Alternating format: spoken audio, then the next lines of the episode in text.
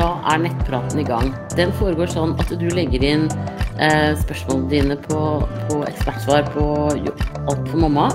Jeg har lagt inn linken på siden her. Og så svarer jeg fortløpende. Jeg leser opp spørsmålet, og så svarer jeg muntlig på hver av dem. Og så etterpå så limer jeg inn URL-en inn på svarene, sånn at dere kan finne dem også på nettsiden. Da begynner vi. Da er det uke 34 som sier Hei, jeg er i uke 34.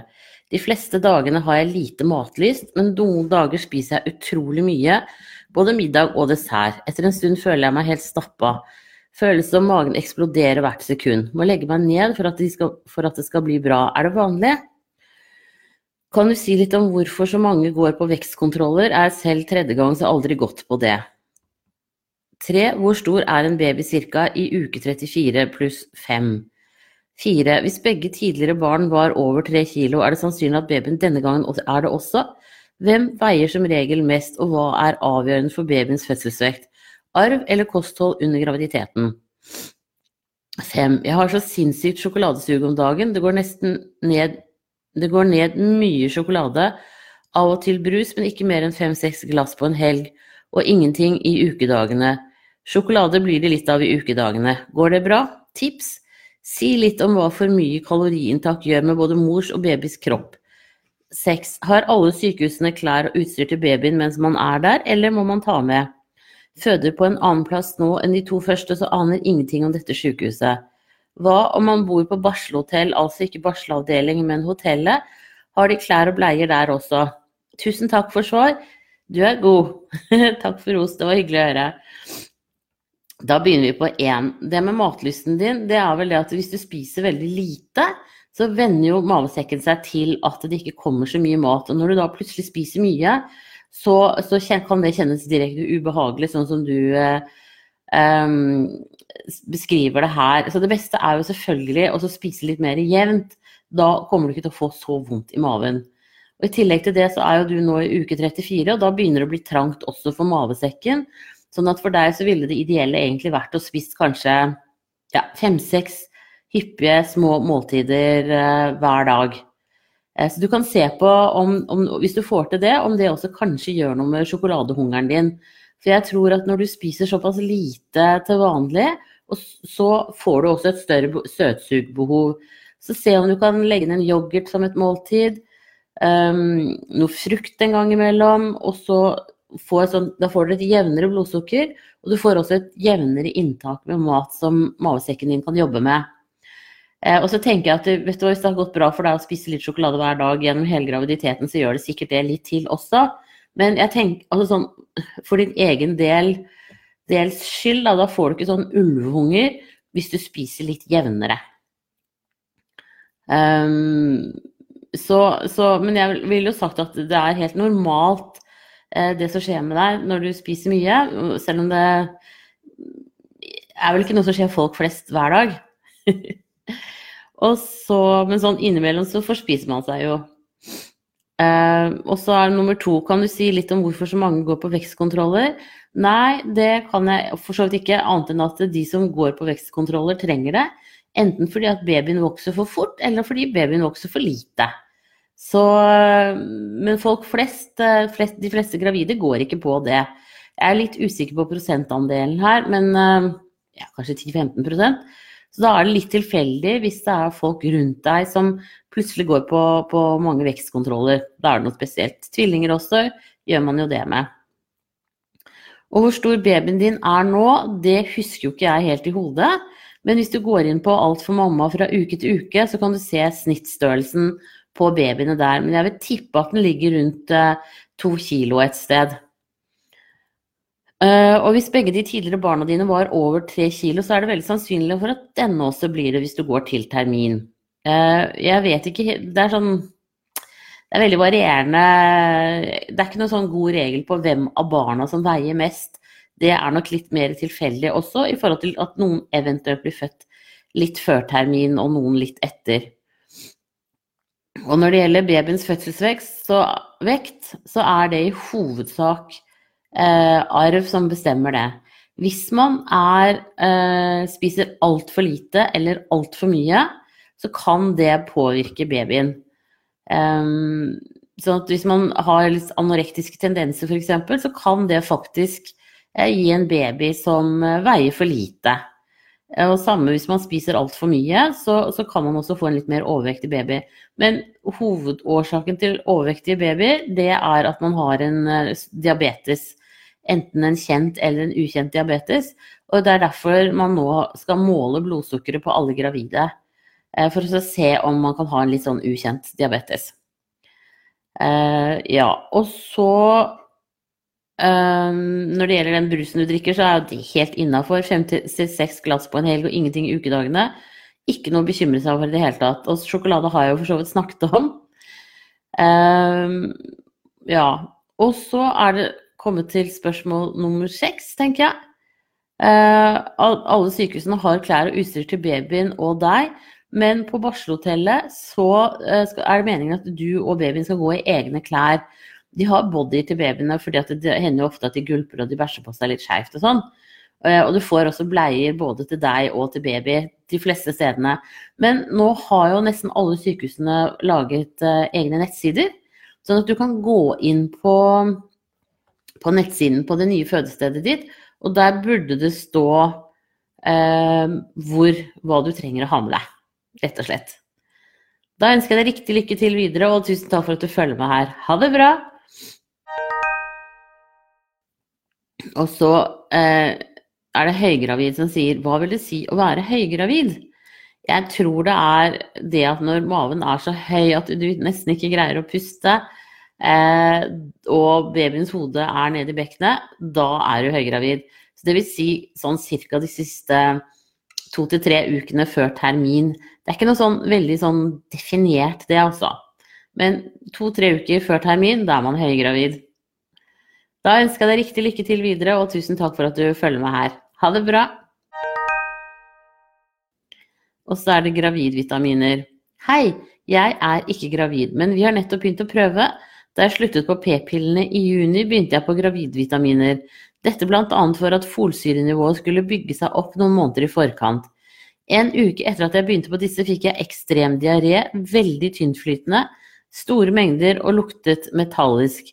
Jeg sluttet med en gang på gravidevitaminene og gikk over til kun Forlat, da jeg leste på nettet at det kunne være en reaksjon på jernet, magnesiumen, kalsiumen eller omega-fettsyrene. Hvilke erfaringer har du med dette? Jeg har brukt å ta litt jerntabletter i forbindelse med blodgivning før, og dette har gått helt fint. Når vi nå eventuelt skulle klare å bli gravide, har jeg lyst til å prøve å ta gravidevitaminene igjen, da jeg ønsker å forsikre meg om at fosteret får alt det det trenger. Hvilke råd vil du gi meg rundt dette? På forhånd tusen takk for svar. Ja, aller først så har du sikkert noen piller igjen i den boksen som du eh, prøvde deg på. Så ville jeg prøvd eh, det i én eller to dager, og så bare se eh, om du reagerer. Ta det én dag, og ta, ta, den vanlige forlatende i tillegg. Det gjør ingenting. Um, og så ser du om du reagerer da. Hvis du ikke reagerer da, så kan det ha vært en mer tilfeldig runde med diaré som du fikk, og da kan du fortsette å ta de. Eller så kan du også prøve å bytte merke, for det er litt forskjell på hvordan de er sammensatt fra produsent til produsent. Uh, og da er det jo helt opplagt ikke jernet du har reagert på, siden du tåler å ta det fint ellers etter at du har gitt blod. Men magnesium kan gi diaré, uh, gi løsere mage.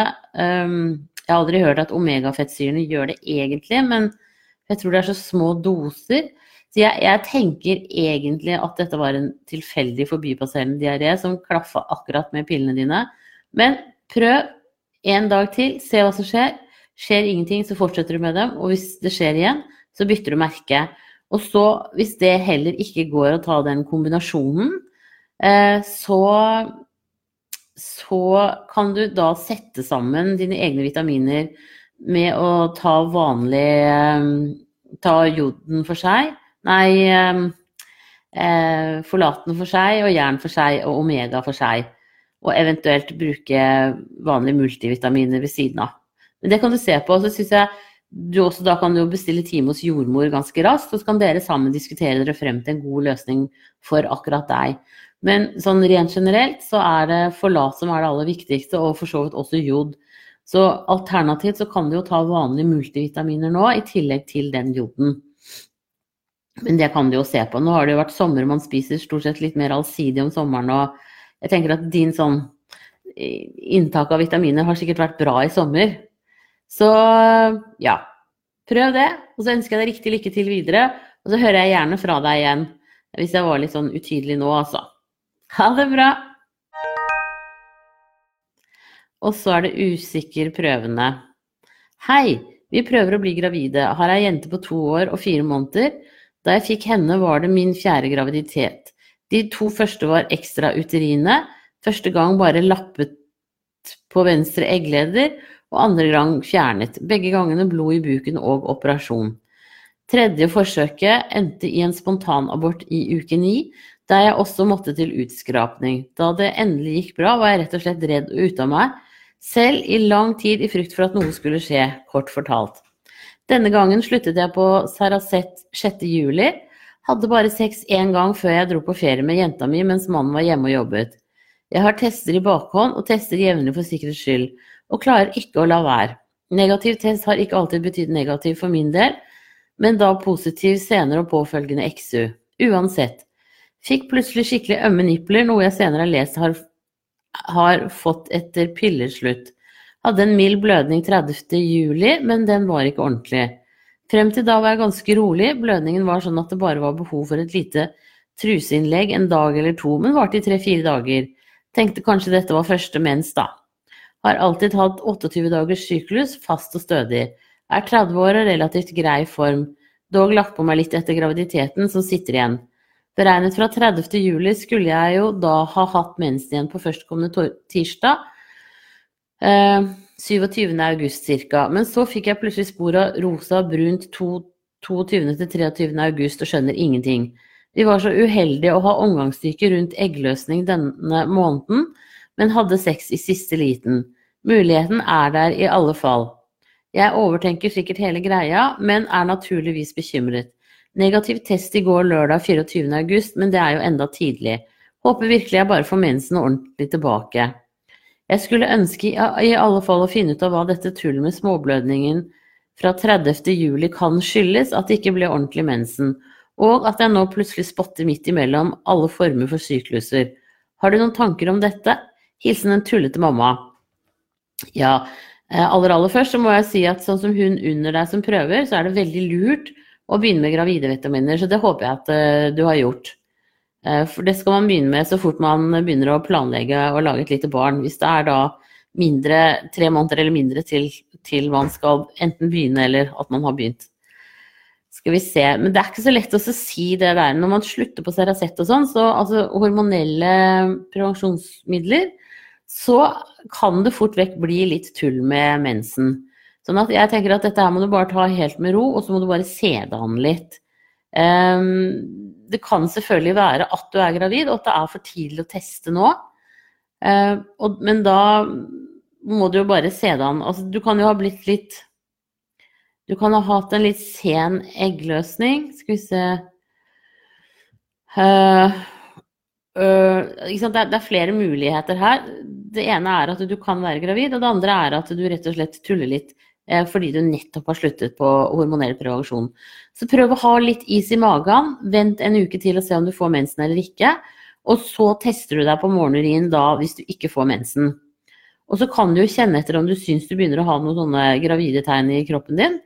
Ehm, det er jo mer enn sånne ømme nipler. Det at du f.eks. blir trett fort, eh, må tisse ofte, ofte sulten, sånne ting som det, kan være tegn på graviditet. Og inne på Alt for mamma så ligger det en artikkel om, eller et par artikler om tidlige graviditetstegn som du kan ta en titt på. Annet en hvor vi spurte folk på Facebook hvordan de hadde hatt det. Så da ønsker jeg riktig, riktig lykke til videre, og prøv å ha litt is i maven. Um, det er ikke så lett å ha, men det lønner seg. ha det bra.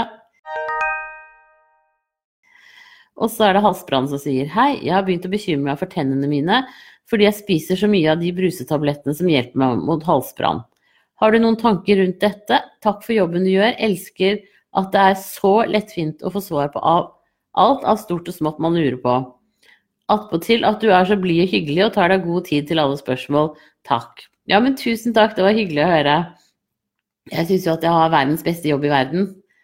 Uh, skal vi se. Men jeg tror ikke Altså, jeg, jeg, kjenner ikke så godt til sånne brustabletter. Uh, jeg er liksom opplært til å tenke at den halsbrannen er kanskje verre for uh, tennene dine, for da det jo, kan det jo komme litt mavesyre opp, og det er ganske sånn heftig for, for tennene. Sånn at jeg tenker at fortsett med brusetabletter, men du kan lese på pakningen hva som står der. Alternativt gå inn på produsenten sine nettsider og se hva de sier. Eh, og noen ganger så er det jo også produsenter som har muligheter at du kan stille dem spørsmål. Eh, så det tenker jeg at eh, Og så tenker jeg også at hvis det hadde vært sånn at det var skadelig for emaljen på tennene, så burde det ha vært mer viden kjent, og det burde kanskje ha stått noe om det på, på pakningen også. Men sjekk hvilket merke du bruker. Og gå inn på nettsidene deres eller på pakningsvedlegget og se hva de sier der. Jeg tror brusetablettene ikke er farlige, men at det er mer det med de sure oppstøtene som ikke er så bra. Da ønsker jeg deg riktig lykke til videre, og tusen takk for at du følger med her. Ha det bra! Og så er det mikrolaks. Hei, jeg har akkurat fått øynene opp for mikrolaks. For en lifesaver! det er jo ikke pent å le av, men det er jo så forferdelig slitsomt å være forstoppet. Jeg har i hele mitt liv brukt mange timer på toalettet. Mange. Dette har forverret seg i perioder under graviditeten. Det jeg lurer på er hvor ofte kan man bruke det? På pakningen står det noe sånn som kun i kortere perioder. Jeg er fristet til å bruke det hver dag til evig tid. Føler nesten jeg har fått et nytt liv når jeg har brukt det. PS trenger ikke tips til hva annet man kan gjøre for fordøyelsessystemet. Jeg har prøvd det meste. Og om faren ved langvarig bruk betyr et fucka fordelelsessystem, så tenker jeg at det er fucka i utgangspunktet. Så den bivirkningen har ikke noe å si, he-he. Ja. Eh, jeg er ikke helt riktig sikker på hva det er som er ille med mikrolaks, så det må jeg faktisk google meg litt frem på. Eh, eventuelt så går det an å gå Altså det jeg kommer til å gjøre, er å gå inn på nettsidene til de som produserer det. Um, men det jeg tenker er at mikrolaks på en måte kan virke litt sånn eksplosivt. Sånn at uh, endetarmen din kan jo liksom få litt uh, hard medfart. Så det er det jeg på en måte har tenkt på som en sånn fare ved det. For at selve stoffene i seg selv virker jo veldig lokalt. Det virker jo bare liksom helt nederst i endetarmsområdet. Uh, og det er jo sånn som du sier, altså det å bruke mange timer på do er jo så kjempeslitsomt. Og um, hvis dette virker, så er jo det supert. Så jeg tenker at uh, nå når du er gravid, så kan du i hvert fall fortsette med det. Men jeg skal sjekke på nettsidene til produsenten, og så skal jeg gi deg et skriftlig svar på denne. Men det er jo hyggelig at du har funnet noe som virker, da. Da ønsker jeg deg riktig lykke til videre, og tusen takk for at du følger med her. Ha det bra! Og så er det Ida som sier hei, vi har en jente på 15 måneder. Når hun var syv måneder, begynte hun å gråte ofte og hyle for den minste ting. Jeg har forsøkt å tune meg inn på henne, prøver å forstå hva hun trenger, gir mye kos, nærhet, oppmerksomhet. Men ingenting hjelper. Hun virker også mye irritert og frustrert. Uh, gutten vår på fire år blir veldig frustrert av all gråten. Hun kan være glad i det e-, et øyeblikk, og så hyle av den minste ting. Hun virker så sur alltid. Det jeg frykter mest, er at dette skal, er personligheten hennes, og jeg syns det er trist at denne tiden som skal være så fin, føles som å gå på eggeskall for å unngå gråt. Som familie syns vi dette er tøft og lurer på hvor vi kan få hjelp. Vi har forsøkt helsestasjon. Ellers kan jeg nevne at hun spiser mye, sover godt og trives i barnehagen. Håper på svar. Ja, der er jo jeg ikke så veldig god. Så det jeg tenker er egentlig at kanskje du skulle tatt en tur til en osteopat. Eh, hvis du bor i Oslo-området, så er det en barnefysioterapeut som heter Ote Imhoff, som også svarer her innimellom. Eh, som vi har noen podder og nettprater med, eller sånn prater med også på YouTube-kanalen vår, hvor du kan se hvor hun snakker om det å være urolig og ha urolige barn. For det kan hende at det er et eller annet i nakken hennes som uh, på en måte trigger um, uh, Altså at hun, ha, at hun, har en liten sånn skjevhet i nakken. Det kan uh, hende at det var noe At det er noe sånt noe. som på en måte plager henne. Og det er jo sånn som plutselig kan komme. Sånn at eh, jeg tenker at selv om ikke helsestasjonen kan hjelpe deg, så ville jeg på en måte gått videre med det. Det er ikke alltid at det tradisjonelle helsevesenet har nok å stille opp med. Så prøv en osteopat. De tenker på en helt annen måte. De kan også korrigere skjevheter i skjelettet. Men de tenker også sånn mer sånn energibaner i kroppen. Um, og, og, og, det er liksom ofte ikke mange behandlingene som skal til. Én eller to eller tre eller noe. Og så vil du merke at hun får det bedre. Jeg er av den oppfatning at et barn som gråter mye, er plaga. Det har ikke noe med Men det er hva jeg liksom sånn personlig tror. Jeg har ingen faglig kompetanse for å si dette. Men jeg tror at barn gråter fordi det er noe som plager dem, og at da må vi prøve å finne ut av det. Og det er jo synd at vi i det tradisjonelle helsevesenet ikke alltid er gode nok, men sånn er det jo bare. Og man trenger noen ganger å lete frem de gode personene. Eh, så nå vet ikke jeg hvor du bor, men det er osteopater i hele landet. Eh, så jeg ville faktisk prøvd det. Eh, alternativt en kiropraktor. Men osteopatene er liksom, som du sier at du prøver å tune deg inn på henne, de tuner seg inn på den de behandler. Eh, så prøv det, og, og se hva det kan være. Um, ja. Uh, og så tenker jeg liksom, var det noe spesielt som skjedde da hun ble syv måneder? Var det da dere begynte med grøt? Eh, kan det være Men antakelig har dere begynt med det før det. Eh, men kan det være liksom noen faktorer som begynte da, som på en måte kan ha gitt effekten at det at hun gråter? Eller så kan det rett og slett være det at man at det har liksom ballet på seg litt, at det er flere ting som påvirker. Men det er dessverre ikke lett å finne ut av disse tingene, altså. Men som sagt, eh, ikke gi dere enda. Og til han stakkaren som blir frustrert. Det er klart det er kjempefrustrerende å høre en baby gråte såpass mye.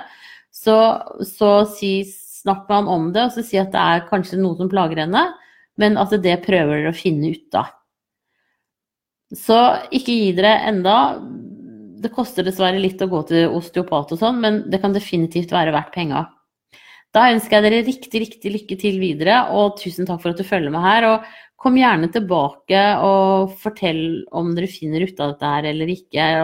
Og så kan jeg også tenke litt på eventuelt ja, andre ting som kan hjelpe. Men um, ja, prøv det, og ikke gi dere helt. Da ønsker jeg deg riktig lykke til videre, og tusen takk for at du følger med her. Ha det bra! Og så er det en lynnedslag som sier hei. I går da jeg drev og gikk rundt på kjøkkenet for å lage frokost, fikk jeg utrolig masse av disse lynstøtene nedover lårene. Må stoppe opp og lene meg mot kjøkkenbenken når det skjer. Det var ca. en time jeg hadde disse, sikkert 10-12 sånne lynnedslag. Er i uke 35 forresten, er det vanlig? Jeg tenker at du kanskje har begynt å ha litt hardere kynner enn det du har hatt før. Eh, og at eh, babyens hode er i ferd med å presses ned i bekkenet. Og det er sånn at bekkenet står som en sånn eh, Hva skal vi si Sånn oval sak i, i, i Altså selve bekkenbenet er laget sånn. Og i, gjennom her så kommer liksom ryggraden kommer ned, treffer på der, og så veves eh, nervene nedover i beina, inn og ut av bekkenet og nedover i beina. Og når hodet til babyen går ned i bekkenet, så er det ofte at det liksom på en måte krasjer inn i noen av disse nervene. Eh, og når du sier at det var 10-12 sånne lynnedslag i løpet av en time, så tenker jeg automatisk kynnere. At da har du hatt sammentrekninger i maven som presser babys hode ned i bekkenet ditt. Og det kan noen ganger være veldig ubehagelig, rett og slett. Um, og det er ikke noe du kan gjøre noe særlig fra eller til med.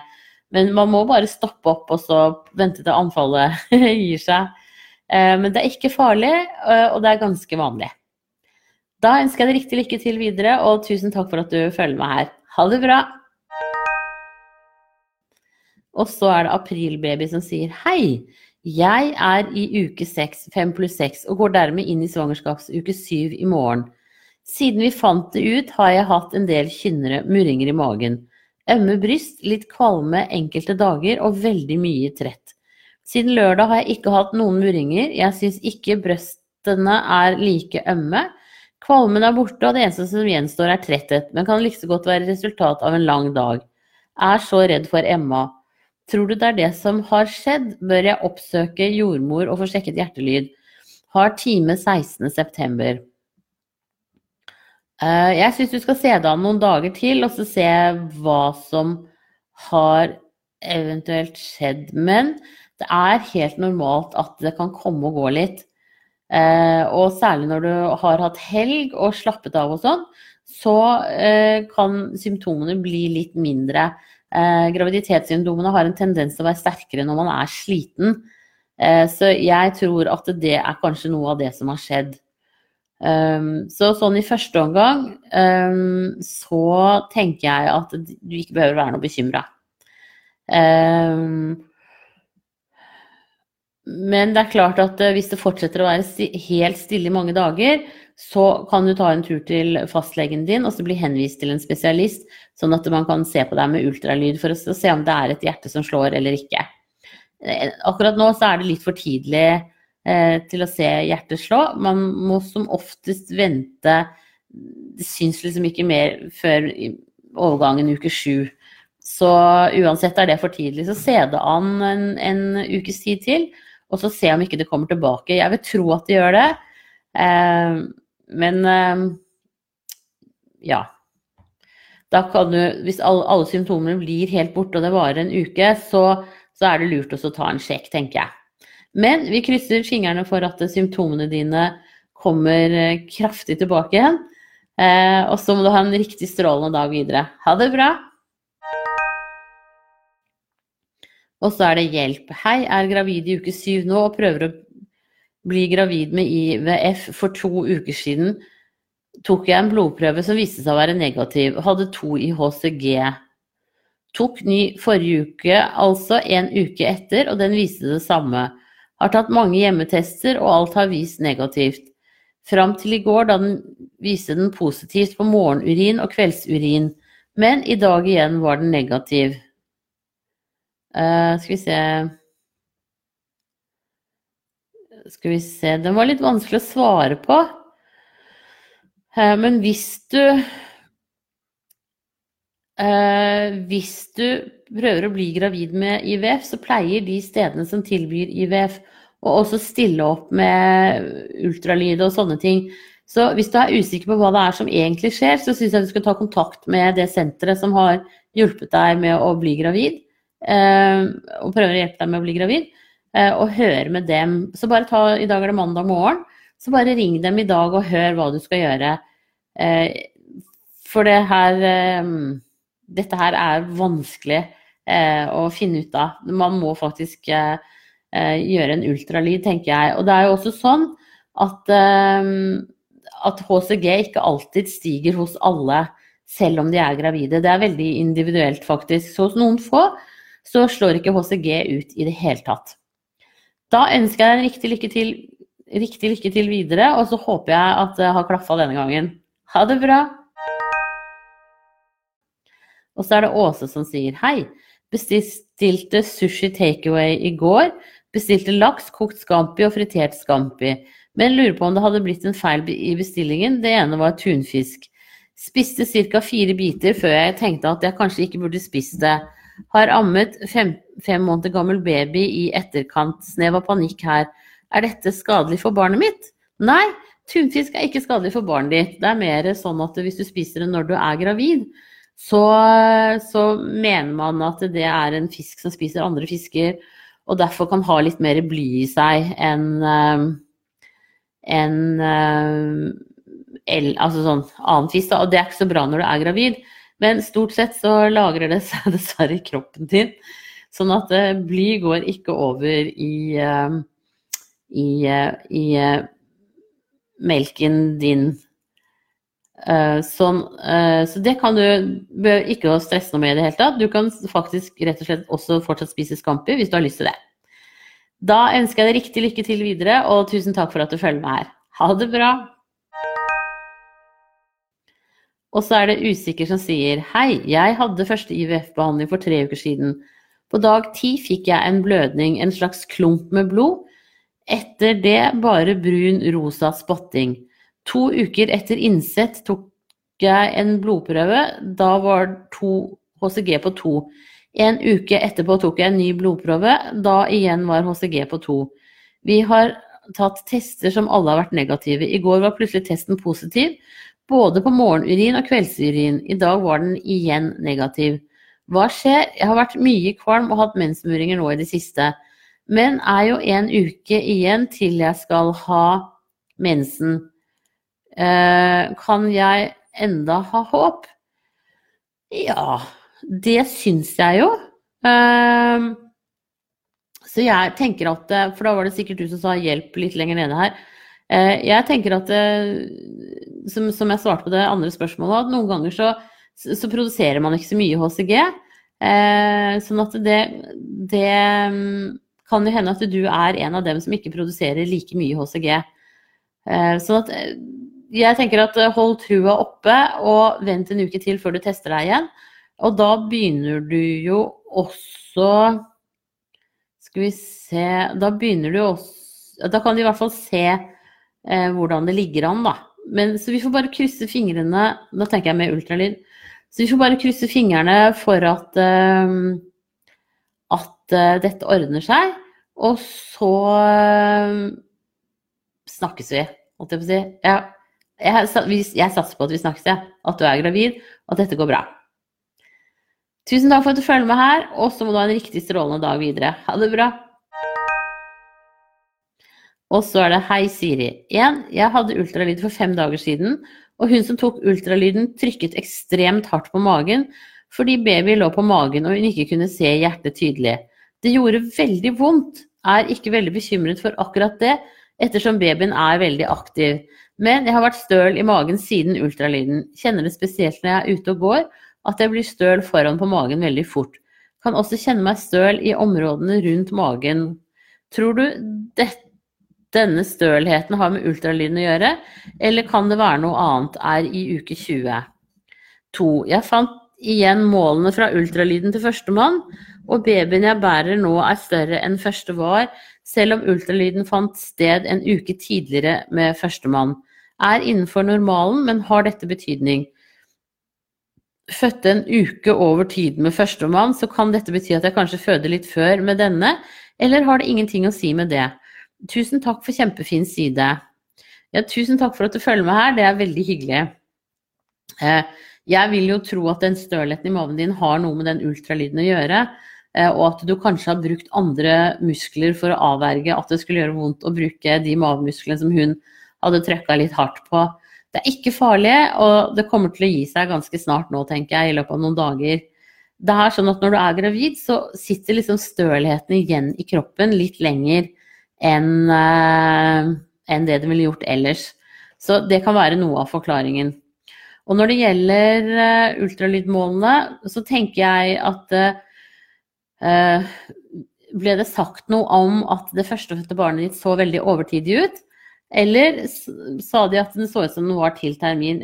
Altså hvis det er noen mulighet for at du på en måte eh, fikk terminen Skal vi se hvordan blir dette her? Altså at du, at du egentlig fødte i uke Altså sånn at ultralyden ble tatt en uke for tidlig da, på forrige mann, siden du da fødte en uke over tiden, så kan det være forklaringen på den størrelsesforskjellen. Eh, men så er det jo også sånn at, eh, at, babyer er genetisk forskjellige. Noen blir lange, og noen blir korte. Eh, og det er jo også sånn som på en måte slår ut tidlig på ultralyden. Og som man vil kunne se i rundt uke 17. Så her kan det være både genetisk, og det kan være at du hadde litt feil termin forrige gang. Så, sånn jeg ser det, ingen, ingen, av delene har noe mye å si. Så det kan jo bli spennende å se om også da nummer to blir en større baby enn nummer én. Det er relativt stor sjanse for det, um, uten at den behøver å bli noe sånt fryktelig mye større. Da ønsker jeg deg riktig, riktig lykke til videre, og tusen takk for at du følger med her. Ha det bra! Og så er det Molly som sier Hei, min fantastiske hjelpende engel. Lovet å komme tilbake i forhold til om jeg fikk fødselsforberedende samtale og omvisning etter å ha klaget. Det fikk jeg heldigvis. Roligere nå. Jeg sliter derimot så med å sove. Har vært slik mange måneder. Hovne ben og bekkenplager. Nå nærmer det seg fødsel. Hvor vanlig er det at vannet går? Som førstegangs kan jeg roe meg med at fødselen tar lang tid. Samboer jobber en del natt, og jeg er veldig redd om natta for at noe skal starte osv. Ikke råd til å betale for en god fødselskurs. Vet du om tilsvarende gratis ressurs? Skal vi se. Ja, men det er hyggelig at jeg kan hjelpe deg, da. Og veldig hyggelig å høre at du har fått uh, god hjelp. Uh, når det gjelder den fødselsforberedende samtalen, så tenker jeg at uh, de fleste sykehusene har jo også oppfølging til de som har angst, da. Eh, sånn at egentlig så burde de også følge det opp videre nå frem til fødselen. Um, ellers så må du nesten bare se på, på, YouTube og på nettet om det er noen jordmødre som har gratis eh, fødselsforberedende kurs. Det kan jo hende det. Så prøv deg litt frem og se der. Alternativt kontakt sykehuset ditt og hør om ikke de kan hjelpe deg også litt videre. Når det gjelder søvn og sånn, så er jo det eh, skikkelig plage. Um, og ikke Altså, det er ikke så lett å gjøre så mye med, annet enn at det, eh, du må legge deg, du må ha med deg masse puter og kanskje en ekstra dyne i sengen når du legger deg, og så må du dandere deg som prinsessen på erten med en litt stor pute mellom knærne og, og oppover lårene og ned mellom leggene, slik at eh, bekkenet ditt blir liggende parallelt Eh, og ikke får en sånn glidning, for det er det som gir vondt. Og så syns jeg du skal oppsøke manuellterapeut eller fysioterapeut der hvor du bor, og få litt hjelp og behandling med bekkenløsningen. Du må betale en egenandel opp til drøyt 1000 kroner, og så er det gratis resten. Eh, og det syns jeg du skal begynne med nå, fordi at eh, du også antageligvis vil trenge det etter fødselen for å komme godt på plass med bekken igjen etter fødselen. Så sjekk der hvor du bor, hvem som eventuelt er litt gode på gravide.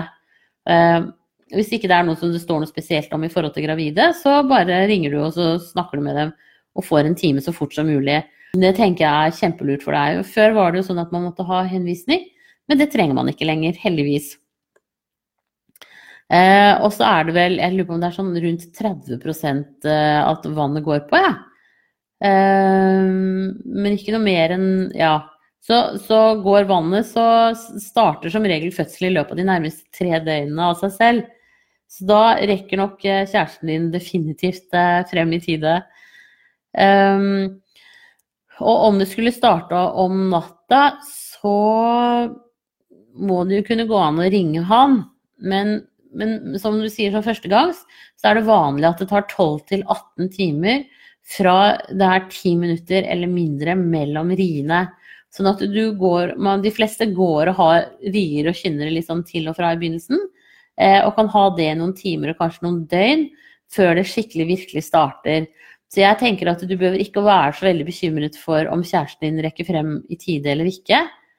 Eh, det burde gå seg til.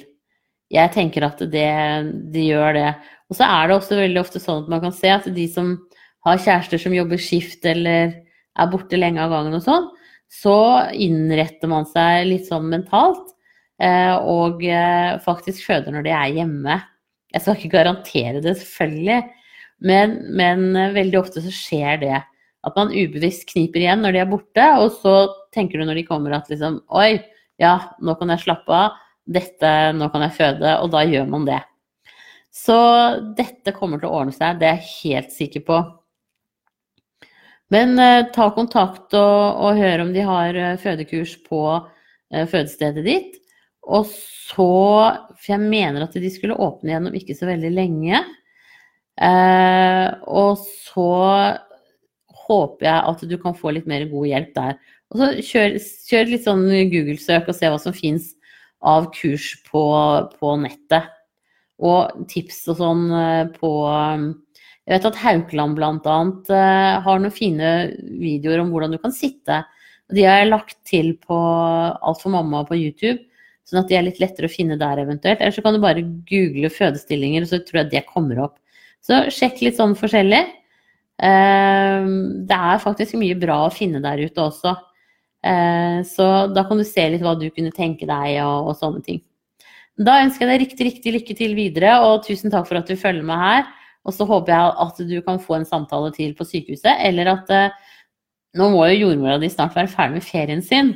At du kan komme til jordmor og få en ordentlig samtale med henne. Da ønsker jeg deg riktig lykke til videre, og skriv gjerne til meg igjen. Jeg er nok tilbake igjen på fredag, tenker jeg. Ha det bra! Og så er det ikke få panikk som sier hei igjen. Skrev til deg i forrige uke at jeg har en åtte måneder baby og ønsker å bli gravid igjen. Du anbefalte meg å begynne med folsyre og vitaminer etc. Hvor lang tid kan jeg forvente meg at det skal ta før kroppen henter seg inn igjen? Vet at du ikke kan si nøyaktig, men kanskje gjennomsnittlig. Har tatt min andre fertilitetstest i dag, og fruktbarheten var zero. Dette er andre gangen jeg tar testen. Forrige gangen var for tre-fire måneder siden ca., og det med samme resultat.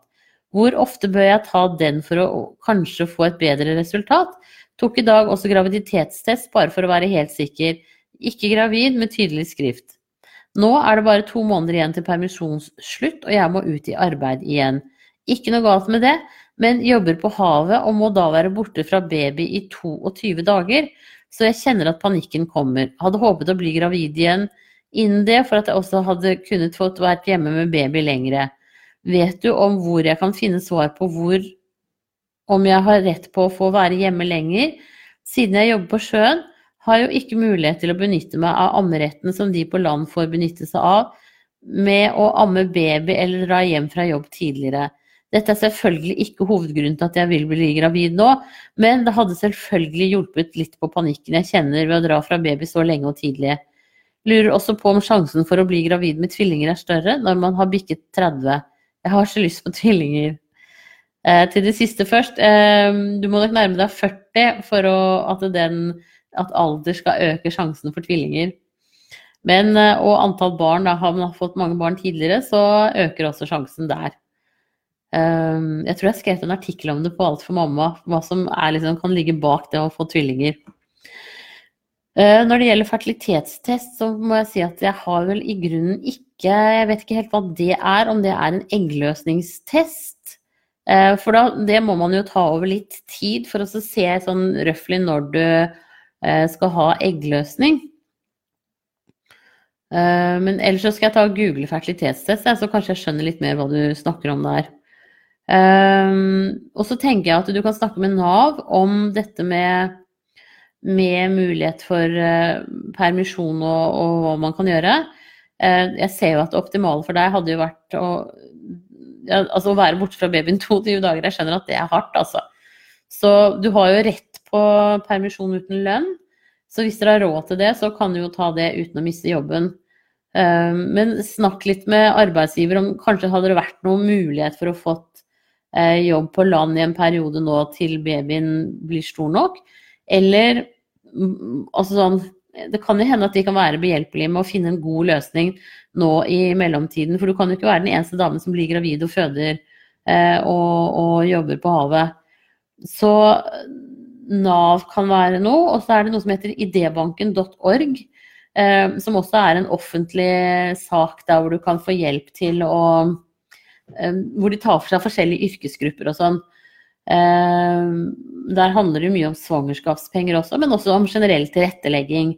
Så jeg tenker at det er nok noen av de stedene du kan prøve. Um, så, skjønner, så, jeg skjønner jo, som du sier, at det er ikke hovedgrunnen til at du blir gravid, men at ja, selvfølgelig så kunne, eh, kunne det være en fordel å, å, å, bli gravid raskt nå. Ser den absolutt, altså. Men eh, hør, med, hør, med, selskapet du jobber for, eh, hva som er mulighetene. Og uansett så har du faktisk krav på um, å, få, å, få, permisjon uten lønn frem til uh, babyen er tre år gammel, tror jeg det er. Ifølge norske regler, da. Så sjekk litt rundt. Og så ønsker jeg deg riktig lykke til videre, og kos deg masse med nurket du har hjemme. Ha det bra! Og så er det Molly som sier hva skjer på kontroll uke 36? Svangerskapsdiabetes og div-risiko. Har stagnert på vekta, 82 og er 1,70 høy. Er dette farlig? Mistet helt matlyst pga. svangerskapsdiabetes. Ja, du veier i hvert fall ikke noe for mye, så det tenker jeg det er eh, helt innafor. Eh, det du burde gjøre, er jo at du legger inn små og hyppige måltider, sånn at du på en måte har det jevne blodsukkeret, og, og også bevarer en normal, forhåpentligvis matlyst. Så hvis du ikke har fått ordentlig veiledning i forhold til um, veiledning på svangerskapsdiabetes på det sykehuset som du sogner til, så tenker jeg at uh, det burde de gi deg. Så ta og ring dem, og så hør hva som du eventuelt kan uh, få av tips der. Og så vil jeg jo tro at også Diabetesforbundet har noen sider ute som også informerer gravide. Det tror jeg faktisk. Så øh, finn litt ut av det her. Og så er det jo også sånn, dessverre, at når du har hatt svangerskapsdiabetes, så har du en litt øh, større sjanse for å få det også når du øh, nærmer deg overgangsalderen. Så du bør på en måte med jevne mellomrom følge med på blodsukkeret ditt når du er hos fastlegen frem til du kommer i overgangsalderen. Da. For da kan man jo gjøre mye for å forebygge. Men eh, hør med sykehuset der hvor du går på ekstrakontroller, om ikke de også kan gi deg noen litt mer mattips. Og så sjekk Diabetesforbundet sine nettsider. Da ønsker jeg deg riktig lykke til videre, og tusen takk for at du følger meg her. Ha det bra! Og så er det ikke få panikk. Hei igjen. Glemte å spørre om det er ok å ta kortisonsprøyte i håndleddet når man ammer. Har fått senebetennelse i håndleddet og har gått rundt med det siden februar for jeg har ikke hatt lyst til å få kortison i kroppen igjen. Hadde senebetennelse i andre håndleddet mitt da jeg var gravid, og tok til slutt kortisonsprøyte en uke før termin, men var jo selvfølgelig redd da også for at det skulle påvirke babyen. Men legen og jordmoren jeg gikk til, kunne ikke svare, om, svare med på om det var farlig eller ikke. Veldig frustrerende. Bor i Sverige. Er det stor forskjell på Norge og Sverige når det kommer til anbefalinger etc.? Jeg tror ikke det er stor forskjell på Norge og Sverige. sånn at det, Eh, du kan trygt eh, følge de rådene de gir der. Og så tenker jeg at eh, hvis du tok en sånn sprøyte når du gikk gravid, så kan du helt sikkert gjøre det nå når du ammer. Og det er bedre det at du kanskje blir litt bedre i hånda di, enn at du sitter og har vondt hele tiden. Så Og det, det skal jo virke helt lokalt, så jeg tenker at derfor så er det eh, antageligvis innafor å få det også nå. Um, ja, jeg kan ta og sjekke på legemiddelhåndboka ja, og så se hva som står der, så legger jeg inn et skriftlig svar til deg. Da ønsker jeg deg riktig lykke til videre, og tusen takk for at du følger meg her. Ha det bra! Og så er det utålmodig og redd som sier hei, jeg har termin i morgen og blir satt i gang i morgen hvis ingenting skjer før det. Blir satt i gang pga. høyt blodtrykk og sikkert pga. alder 41. Men så er jeg så skeptisk til igangsetting. Har lest at det øker faren for blødninger, og ved sist fødsel mistet jeg to liter blod fra en liten rift uten noen kunne forklare hvorfor, og prøver tatt mellom svangerskapene har heller ikke gitt svar på hvorfor jeg skulle blø så mye. Her om kvelden klødde jeg meg på foten og fikk et bitte lite hull i huden. Og før jeg selv merket noe, var det masse blod på gulvet, og jeg skjønte ingenting. Det tok lang tid før blodet stoppet å renne. Det hjalp jo, selvsagt ikke på min angst i forhold til blødning etter fødsel. Jeg har kjent på uregelmessige rier de siste tre dagene, og håper jo det kan starte seg selv. Men om det ikke gjør det, er det noe annet medikament, enn medikamentell igangsettelse jeg kan be om. Har ca. 3 cm åpning og en del modningstegn. Føler ikke jeg blir hørt på min bekymring på sykehuset, får bare beskjed om at det kan jo gå bedre denne gangen. Håper du har noen gode råd. Ja, jeg syns jo eh, at det du sier at du blør så lett, det kan jo tyde på at du ligger litt lavt på jern, da. Eh, så jeg håper jo at, no, at du har fått sjekka jernnivåene dine. Og så kan det jo hende at det er noe med koagulasjonsfaktoren i blodet ditt. Men Så det er også en sånn ting jeg tenker at du kan få sjekka etter fødselen hos fastlegen din. Men når de setter deg i gang i morgen, så kan du jo spørre om de kan ta, bare stikke fingeren og ta blodprosenten din. Eventuelt at de sender en prøve en, eh, tar en ordentlig blodprøve og sender til eh, laben for å se hvor store jernlagrene dine er. Eh, for det er klart at det er sånne faktorer som gjør at du blør lettere, altså. Så jeg, så jeg tenker også på en måte at eh, Fortell dem det når du kommer inn i morgen til igangsetting. Og så er det vel det med igangsetting, altså at den blødningsfaren er vel egentlig litt mer sånn eh, hvis du blir liggende veldig lenge i fødsel. Eh, men nå siden du blødde mye sist, så tenker jeg at da de, har de forholdsregler denne gangen. Og at du vil få intravenøs behandling mye raskere. Eh, og at de eventuelt kan ha noen poser blod i bakhånden til deg hvis du skulle blø veldig mye. Men siden du har født før, så er jo biten Altså er jo kroppen på din side. Du har et litt større bekken nå. Skjeden din har utvidet seg maksimalt en gang tidligere. Og veldig mange flergangsfødende får jo ingen rifter, eh, revner ikke, ingenting. Sånn at eh, sånn sett så tenker jeg liksom at det, at det kan være ok. Eh, Og så er eh, også det at eh, du har litt høyt blodtrykk. Det gjør faktisk at du lettere starter eh, når de skal prøve å sette deg i gang. Så det også er på din side. Så jeg tenker slapp av og, og la det stå til. Og så håper jeg at, at du tenner raskt på den måten de prøver å sette deg i gang på i morgen.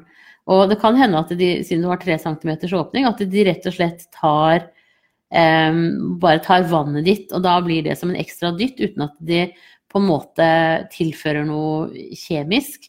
Eh, da er det på en måte kroppen din som kicker inn, eh, fordi at det, ofte så kommer liksom babyens hode enda litt bedre ned, og du får det trykket innenfra i tillegg. Så diskuter litt med dem eventuelt i morgen, og hør om, ikke, om det kan være en god løsning å bare ta vannet ditt. Og så som sagt, meld fra om at du har blødd litt mye av eh, den på eh, det lille såret, og få dem til å sjekke jernnivåene dine. Men da ønsker jeg deg riktig lykke til videre, og snart har du verdens beste nurk i armene. Eh, og det er jo en god mm, tanke å glede seg til. Og håper jeg at du kanskje du starter før i morgen, men hvis ikke så starter du i hvert fall i morgen. Da må du ha en strålende dag videre. Ha det riktig bra. Og så er det Spots som sier Hei, vi prøver å bli gravid og har testet negativt siden tiende dag PO, altså etter eh, eggløsning. I morgen eller onsdag skal jeg ha mensen. I mor morges testet jeg også negativ, men kort tid etter fikk jeg en bitte liten brun blødning borte på et tørk. Kommer og går, men det er så lite. Er dette mensen eller veldig sen festeblødning? Det er faktisk helt umulig å vite. Eh, Det kan gå inntil elleve dager fra egget blir befruktet til det fester seg. Og så kan det også gå inntil fem dager fra eh, man har hatt samleie Eller altså sædceller kan leve i inntil fem dager, da. Sånn at eh, man har faktisk noen, noen slingringsmonn innen en sånn syklus. Um, så du får bare vente og se. Eh, men det er vel kanskje en mulighet for at det ikke gikk denne gangen. Eh, siden du spotter litt og sånn. Men God knows, vi får se. Krysse fingrene, spis gravide vitaminer og ha is i magen. Da ønsker jeg deg riktig lykke til videre, og tusen takk for at du følger meg her. Ha det bra. Og så er det usikker som sier hei. Jeg hadde første IVF-behandling for tre uker siden. På dag ti fikk jeg en blødning, en slags klump med blod. Etter det bare brun-rosa spotting. To uker etter innsett tok jeg en blodprøve. Da var, jeg hos, var HCG på to. En uke etterpå tok jeg en ny blodprøve, da igjen var HCG på to. Vi har tatt tester som alle har vært negative. I går var plutselig testen positiv, både på morgenurin og kveldsurin. I dag igjen var den negativ. Hva skjer? Ja, vet du hva. Eh, Jeg har vært mye kvalm og hatt mensmuringer nå i det siste, men er jo en uke igjen til jeg skal ha mensen. Kan jeg enda ha håp? Ja, jeg syns jo at det alltid er håp, jeg, til man får mensen og det motsatte er bevist. Eh, Men der er jo jeg, er veldig, en sånn veldig optimistisk person. Eh, Det må jeg jo bare si. Så, så Men vi krysser fingrene. Jeg har blitt litt dårlig på å krysse fingrene, kjenner jeg. Krysser fingrene. Og håper på at dette går veien for deg denne gangen. Men du må bare ha tålmodighet og vente litt til. Ha en riktig strålende dag videre. Ha det bra. Og så er det Kri som sier hei. Jeg har to gutter på fire og seks år og ønsker meg så gjerne en liten skatt til. Og skulle jo gjerne hatt ei lita jente også.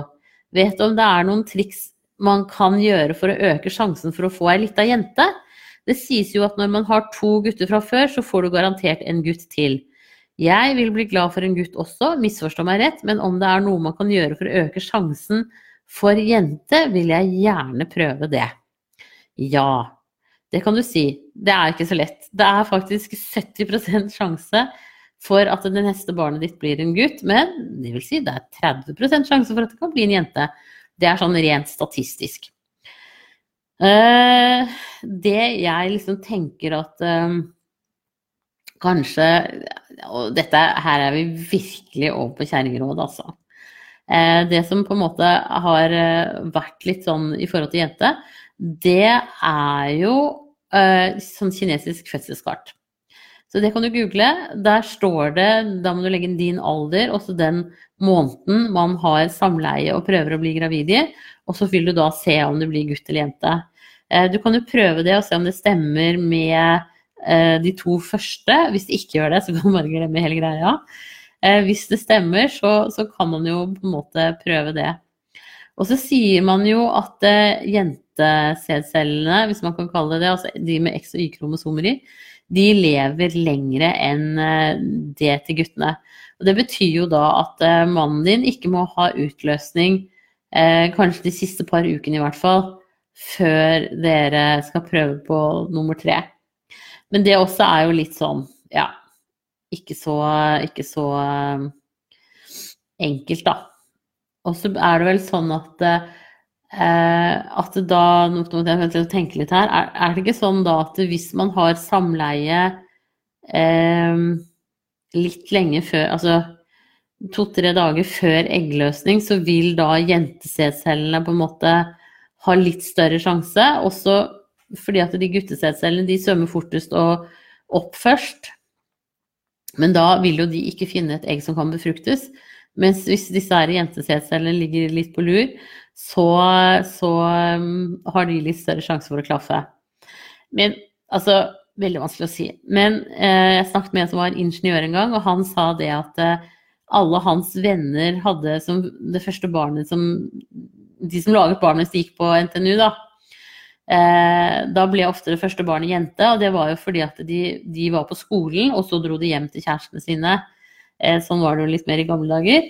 Eh, og veldig mange fikk da jente som det første barnet. Men jeg vet ikke om det er noe hold i det, altså. Du kan jo høre på, på Kjerringrådforumet vårt også om det fins noen der som har gode råd i forhold til å, å, få til hvordan man skal få barn. Jeg har en venninne som har fire gutter, og hun prøvde det meste for å få en jente, men det Ja, sånn er det bare noen ganger. Ehm, men vi får krysse fingrene. Jeg ønsker deg riktig lykke til videre, og tusen takk for at du følger meg her. Ha det bra! Og da er det sånn at dette var dagens siste spørsmål. Så fredag så er jeg tilbake igjen. Og i mellomtiden så må dere ha en strålende uke. Og da skal jeg kopiere inn URL-en og legge inn på svarene her etterpå. Ha det riktig bra!